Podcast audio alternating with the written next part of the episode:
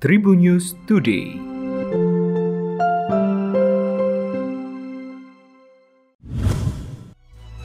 Halo Tribuners, berjumpa kembali bersama Memes. Memes akan berbagi informasi untuk kamu dimulai dari berita nasional. Wacana reshuffle kabinet kembali bergulir dalam beberapa waktu belakangan ini. Sejumlah nama menteri disorot terkait kinerjanya. Isu masuknya PAN ke Kabinet Indonesia Maju pertama kali disuarakan oleh politisi PKB Lukman Hakim. Ia mengatakan bahwa Presiden Jokowi akan melakukan reshuffle pada akhir Maret 2022. Menurut Lukman, berdasarkan informasi yang ia terima, PAN bakal mendapatkan jatah satu kursi menteri dan satu wakil menteri atau wamen. Namun Lukman belum bisa memastikan plot kursi menteri yang akan didapat oleh PAN. Ia juga belum mendapatkan informasi lengkap mengenai isu reshuffle ini. Selanjutnya berita regional Tribuners. Satreskrim Polresta Kendari, Sulawesi Tenggara membekuk WR, pria bersenjata samurai yang menyerang pengunjung retail modern di Mandonga, Kota Kendari pada Sabtu 19 Maret sore. Penangkapan dilakukan tim Baser 77 Satreskrim Polresta Kendari di Kecamatan Mowila, Kabupaten Konsel, Provinsi Sultra. Menurut Gede, polisi juga mengamankan barang bukti jaket, motor, dan samurai yang digunakan pelaku saat melakukan aksi penyerangan tersebut. Terduga pelaku ini langsung digelandang ke Mapolresta Kendari untuk menjalani pemeriksaan lebih lanjut. Sebelumnya, seorang pria bersenjata samurai menyerang pengunjung minimarket di Kecamatan Mandonga, Kota Kendari, Provinsi Sultra. Aksi penyerangan menggunakan senjata tajam ini terekam kamera CCTV atau kamera pengawas gerai retail modern tersebut. Penyerangan ini terjadi di Indomaret Laute, Jalan Laute, Kelurahan Mandonga, Kota Kendari, Provinsi Sultra.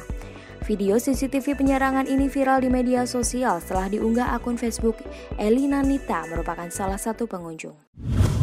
Selanjutnya berita selebriti Tribuners. Pasangan artis Rizky Bilar dan Lesti Kejora sempat menerima uang sumbangan dari tersangka kasus dugaan penipuan berkedok trading binary option Quotek, Doni Salmanan. Uang sumbangan tersebut diberikan Doni Salmanan saat menghadiri acara pernikahan pasangan yang dijuluki Leslar itu. Merasa informasi terkait nominal yang beredar di publik keliru, kini Bilar akhirnya buka suara soal uang yang ia terima dari Doni.